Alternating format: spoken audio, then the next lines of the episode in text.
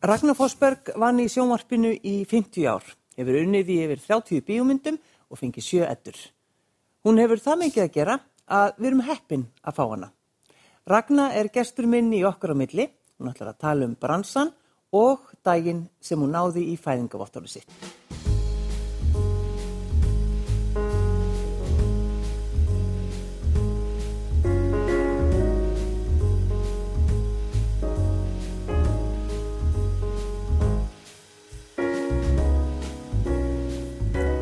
Takk fyrir að sitja hjá mér. Takk fyrir að fá mig. Af hverju hefur svona mikið að gera? Ég veit ekki.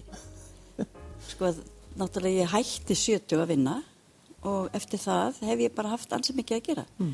Og að skila meiri til samfélagsins skattalega heldur en ég gerði að minni var hér í 50 ár. Já, þú meinar. Já, við erum aldrei hættið það.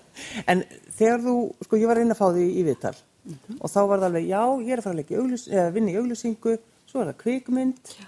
ég hef hérna einn dag. Já.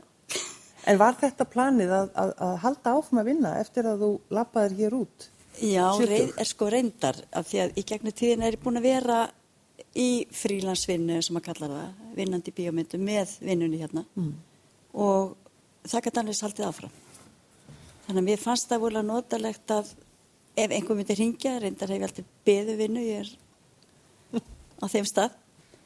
Þannig að ég fæ alltaf símtöl og annarkvæmt segja bara já eða nei mm. og það er fullt af skemmtilega verkefnum að noti. En fannst þér sko þegar þú lappar hér út eftir bara góðan vinnudag, daginn sem þú stóðin sjötug, varstu búin að undibúa þig? Já, án þess að vita það þá. Ég fór óbúslega sátt í þann síðusti dagurinn var mjög skemmtilegur blóm og, og mikið að kveðjum mm. síðan sett ég bara oft takkan og lappaði út aldrei en eftir sjá sakna ekki vinnunar sem hefur alveg skrítið í sakna fólksins mm. og þetta var þetta mjög skemmtilegur tími eins og getur ímyndaðir í 50 ár en, en þetta var svona einhvern veginn farið að feitast út já, en hvernig getur maður bara sagt alveg já, heyrðu, ég bara sett takkan hérna og ég bara Er þetta ekki bara eins og skipt um húsnæði? Fliti? ég veit það ekki. Nokkur munur á þessu. Engin munur. Nei, ég held ekki. En þegar maður hugsaður um 50 ár og þú hefur sagt, Ragnar, að þetta hefur rauninu verið tilviljun að þú ferð í þetta starf. Þetta er allt tilviljun. Ég náttúrulega sko klára gagverðarskólan, fór í vestlunadelt með sér og þá hefur maður að halda að ég færi eitthvað annað heldur en hárfyslu. Mm. En eftir gagverðarskóla þá var svo lítið, það var svo, það var svo lítið til að velja úr.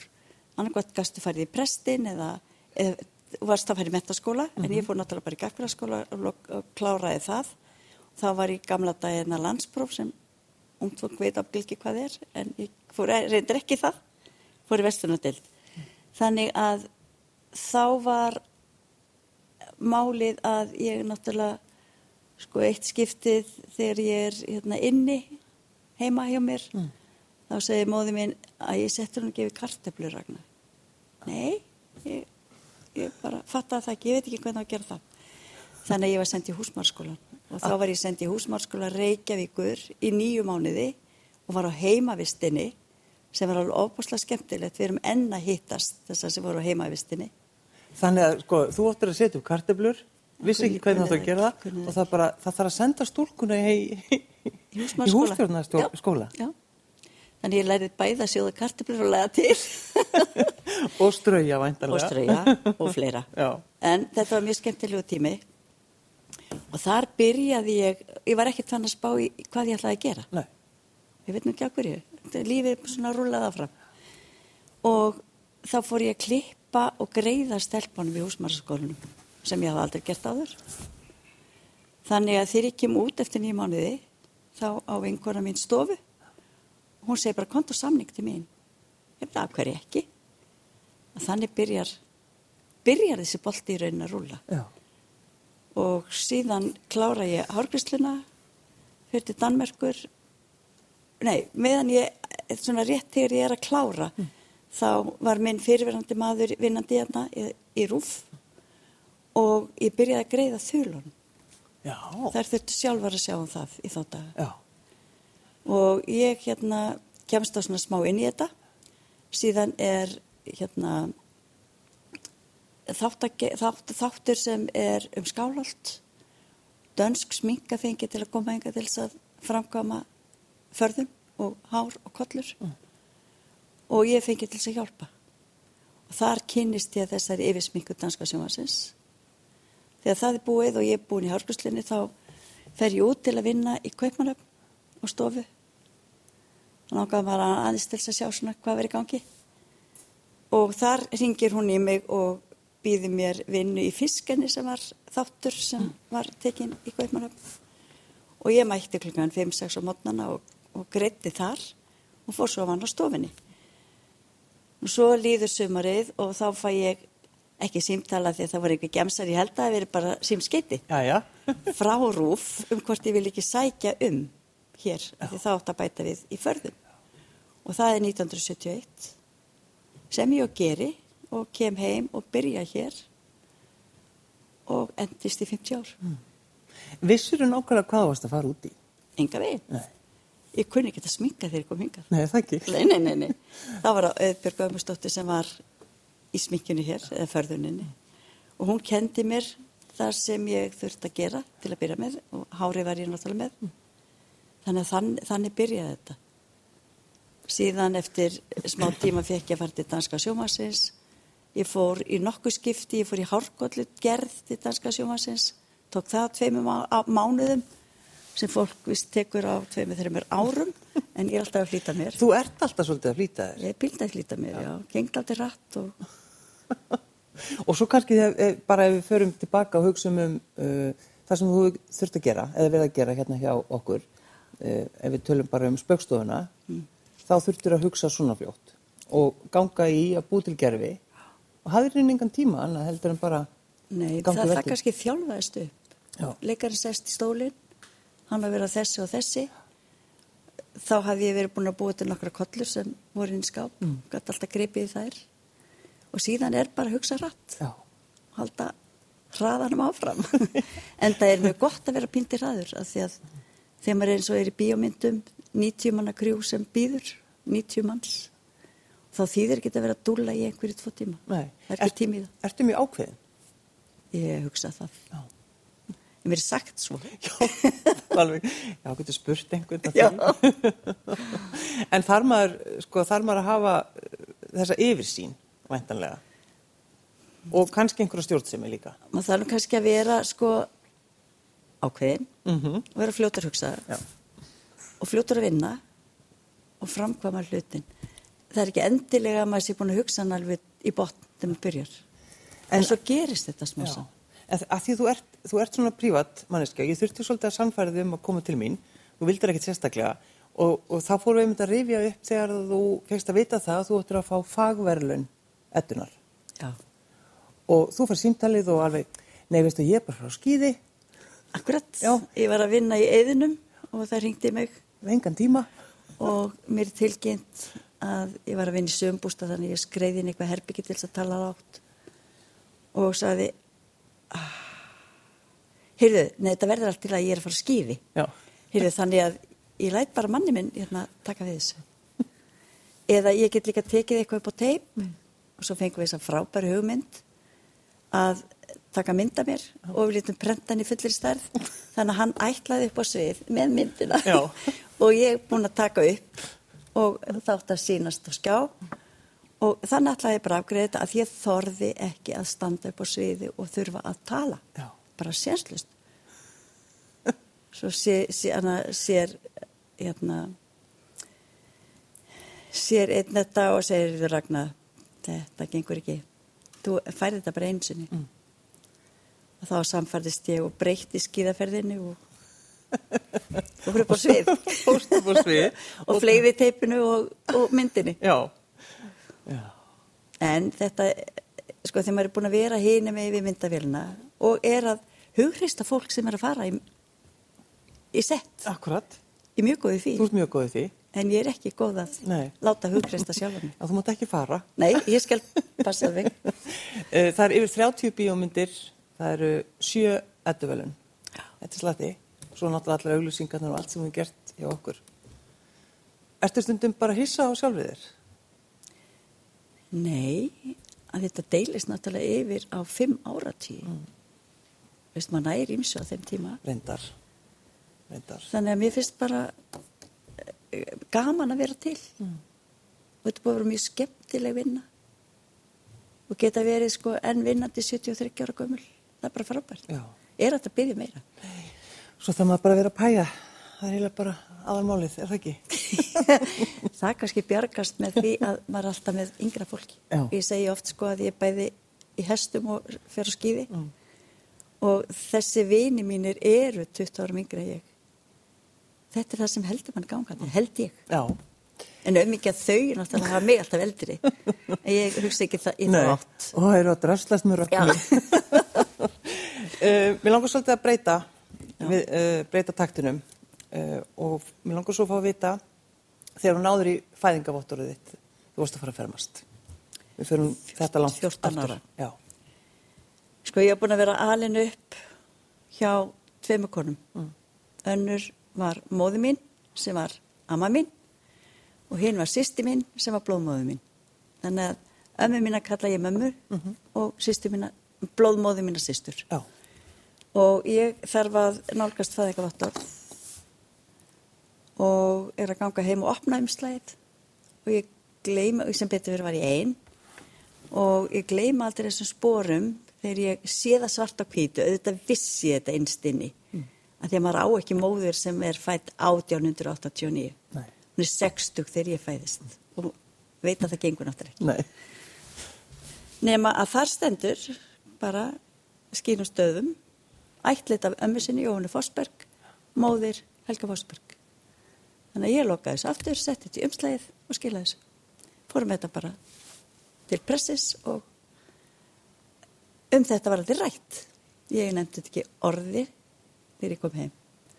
Og í raun var þessu, var aldrei, var aldrei talað um þetta fyrir en ég yfraðins á þessu reyni, þá er ég ánum þrítug, hverra manna ég er, en ég fekk ekki tútur í þannig slefti. Og það undarlegasta kannski er, sem fólk er volið að hissa á, ég veit ekki hver pappi minn er, mm. að mér er alveg sama. Ef ég ætta að vinna, ef ég ætta að leita einhvers þar, get ég alveg farið upp í leið 17 og tjekkað á fólki sem er þar í kringum mig. Að því að, hvað er maður að byrja? Eftir hverju átt að leita? Ég veit ekki neitt. Og hef alist upp við það að vera nákvæmlega sama og það er alveg frá mínu einsta hjarta. Alveg inn í hjartanu er sama, já. En og fólk sko er svo hissa það sé mjög hissa. hvernig stendur á því og hvernig vilt ekki vita já, já, það er allir að leita og eða allir æfin í þetta og verða kannski einskis vísari já. en nema bara leiðindi. Ég fekk bara gott uppeldi gott heimili. Það döði mér. Mm. Ég er kannski skrítin ég, já, ég, ég þegi bara. En uh, þegar þú nefnir þetta eins við mömmu þína og, og, og semst, ég á ekki að segja það mamma, mamma mín, það er á mín þegar þú talar aðeins um þetta mm. þá bara hérna hættu verðst ekki, ekki að tala um þetta? Sko við hana talaði ég aldrei. Nei. En við blóðmóðu mína talaði ég við, ég talaði blóðmóðu mína og hún náttúrulega svara, gæti ekki svara mér og fór bara að gráta, Já. þannig ég bara hætti. Já, það er hún helg, það er helga. Já. Já, og svo var hennar sýstir sem er dáin líka. Mm. Ég spurði hana og hún þóttist ekki vita neitt. Þannig að mér fannst þetta bara fullkomi svar. Já. En hefur einhvern tíman hugsað út í það, þú veist að því að Helga fyrir að gráta, þú talar um þetta, getur verið að þetta hafi verið einhvers konar misnótkun, eitthvað eitthva ræðilegt? Öruglega. Já. Ég get ekki ímyndað mér annað. Mm. Því hún var þannig að hún var mjög veik þegar hérna, hún er eftir fæðingu. Þannig að hún, ef hún hefði verið að fæðast í dag, væri hún ábyggilega einhverju stofnun. Já. En þessi kraftmikla móði mín, hún, það kom ekki til greina að setja hann á stofnun. Og svo hérna, bætir það náttúrulega ekki þegar ég fæðist og það er ekki vita hverja manna ég er og amma mín sér satt 60 og þá er nýja árum áður er hún búin að taka í fóstur eða í geimslu bróðu minn sem var ekkert bróðu minn sem átti breska og þíska foreldra. Skilin eftir hér þegar stríð byrjar áttamánaða gamall. Eins og við sagðum að skilin eftir bara í burðarúm á borstofuborðinu Já. og síðan missir sko móði mín Jamaica fjölskyldu sem bjóð þar sem var móðu sýsti mín og hennar maður og batn í fellibill og svo deyr afi minn. Og þetta gerist allt sko þessi missir af fjóru manneskjum og fjölskyldinni gerist bara á einu ári. Og þetta var ábygglega drúur pakki fyrir 60 konu að díla við. Já. hún ræk fyrirtæki og samt náttúrulega fólki sem vann í fyrirtækinu og með þessa fjölskyld flóknu fjölskyld Þetta er náttúrulega, sko, þetta er ótrúlega saga, Ragnar. já, já en sko fyrir mér er þetta bara fjölskyldisaga Mm. ég þekki ekki þannig Nei, nei. mér finnst þetta ekkert skrítið Nei, þetta er mjög, þetta er mjög eð, eðlilegt fjölskyldilíf mér finnst þetta samt eitthvað svo skemmtilegt hvernig þú bara, þú veist, þú heyrir að, þú veist, fólk er alveg bara, þú verður að fá að vita og verður að fá að vita og þú bara heyrðu, ég er bara alveg róleg. það er afskipta sem í fólki Já. Er það ekki? Jú, alltaf heimta. en mér er, ekki, en mér er alveg sama Já. hvað kemur fólki þetta við? Nákvæmlega. En svo var skrifu bók Já. fyrir nokkrum árum. Já. Frænka þín, Annar, bók. Anna Ragna sem er blóðmóði sýsti mín, alls að flókið sko. Við þurfum bara- við að texta- við að texta þáttinn þess að þetta út. já, það þarf að sína sko tréð Já. að hún skrifar auðinu og það er skaldsaga en fjölskyldu sagan, byggt af fjölskyldu sögunni með vitlusum nöfnum. Og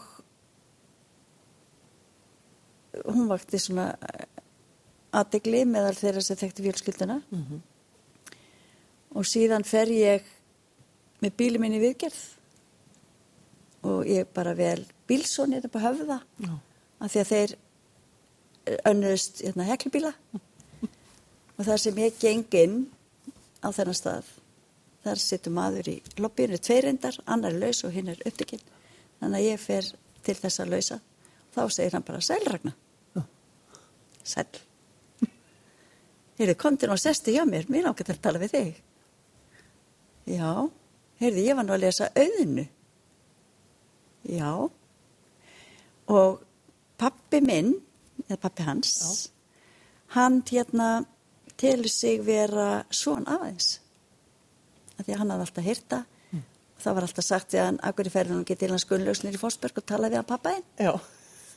og þá hafði hann unnið bara nýr á bryggju og nei, hann gerði það nú ekki og þorði það ekki. Nei. Þannig að við tölum daldið um þetta. Og ég segi, heyrðu, ég skal bara fyrir DNA með pappaðinn sem við gerum. Kemur þá ekki ljós að þetta er sonur afamins og hann er núna í dag nýræður. Mjög hress og flottur maður. Og hann held náttúrulega bara ættótt, bauð okkur Það var bara haldið partí. það var bara hætti partí Sko það er ekkert allir sem að, þú veist það er svo margir sem hika við með þetta. Nei, ég ætla ekki að fara í eitthvað DNA. Já. Þú bara, þetta var fyrsta sem þetta eftir hug. ekkert annað Ekki málið. nei, nei, nei, nei. þannig að þarna eru bara heil hópur fólks indislegur hópur sem við í rauninu höldum saman okkur Já. og við höfum hist nokkur sinnum Og, og sérðu svip, sér, sko, Ég sé reyndar sko á Herði, hann heitir Herði Pétursson og búin að taka upp Fossbergs nafnið. Hann er ekki ólíku pappa sinn sem er afi minn, eða var afi minn. já, já. Þannig að það fyrir að millimála. En þú, þú hittir hann, já, þú hittir hann aldrei. Af að þig. Nei, ég er náttúrulega bara á öðru árið þegar hann deyr. Já. Þannig að ég kynist honum aldrei. Og fi- finnst þér þetta, sko, finnst þér þetta gaman að fá bara, ég er að fara bara með bílinn í, í viðgerð og, nei, ég kem heim með heila fjölskyldu. Já, ég sko, stóra Ég fjölskyldu. veist það stórkoslegt og bara svona líka af ind, hópa af indislegu fólki. já.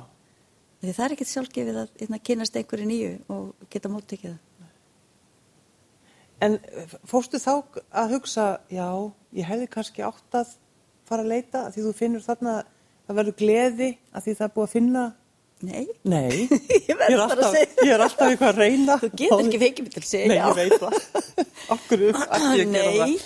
Nei, nei, en, en það, þetta er, er eins og ég segi það er svo margir sem eru leitandi, en þú veist alveg með þetta, það er bara alveg inn í hjartan. Það verður ekki allir gladir þegar þeir komast að hinnu sanna sko. Það er það líka. Þó svo ég hef ekki hugsað þannig. Ég hugsaði meira sko, af hverju ég að eyða tíma í að leita að einhverju sem ég veit ekki hvað er. Ég get alveg s- leita á gólfinu sko. Já. En að því að þú ert alinn svona upp, uh, passaru vel upp á sko, þína fjölskyldu og þitt fólk, veist, er þetta mikilvægt? Já, er ég þekki, mikilvægt. þekki mitt fólk. Já. ég veit hverja manna það er. Já, akkurat. Þannig að það er allt í lagi þú og ég veit það ekki Nei. hver ég er. Nei, Ég veit allavega hver ég er, kannski ekki alveg hvaðan ég kem. nei, já. En á ekki bara stóla sjálfa sig, er það ekki málið? Jú, svolítið, svolítið. Ég get ekki stólað eitthvað sem ég þekki ekki. Varstu mér hamingjusum uh, lítil stúlka? Já, með þeim, Já, með Jóhönnu Já. og, og, og Helgu. ég var náttúrulega pingu fórtegrun, sko, getur ímyndað með tvær mæður á heimilinu. Byggum í góðu húsi og höfðum, það mjög gott. Já. Ég fikk fallið fött og, og gat, við fórum reyndar alltaf hérna, upp á gljúfur á, á sömurinn, það var flutt bara. Þangað til ég varð alveg 14 ára og þar voru við öll sömur, komum svo bara í bæinn þegar skólinn byrjaði. Þannig að ég átti indisl- indislegt líf, ég get ekki hvert að við. En þegar svo uh, hún deyr, hún Jóhanna, Já. og þá er Helga og þú tvær einar. Það voru veinar og alltaf talið að Helga get ekki búið einn. Þannig að við fórum út í það að kaupa íbúð, eða hún kefti íbúð. Og fluttist á ásvallagötuna, þar sem hún lifði til 92 ára aldurs, einn. Og þessulega var það ekkert mál. Maður kannski vantrestir fólki og heldur að fólk geti minna heldur en það getur. En það má heldur ekki gleyma því hún var fætt 1920. Þannig að það var allt annar tími þá heldur en er í dag. Já. Og ekki þessi hjálp sem fæst. Þannig að hlutinni voru bara miklu, miklu erfiðar og fólk var ábyggla að bjarga sér sjálft. En eh, kom einhver tíman að því, Ragnar, þú kallaðir hana mömmu? Aldrei. Hún bara, Og e, hún, kalla, hún kynnti mig stundu sko sem dóttur sína þegar eftir að móði mitt á. En einhver hluta vegna gati það ekki.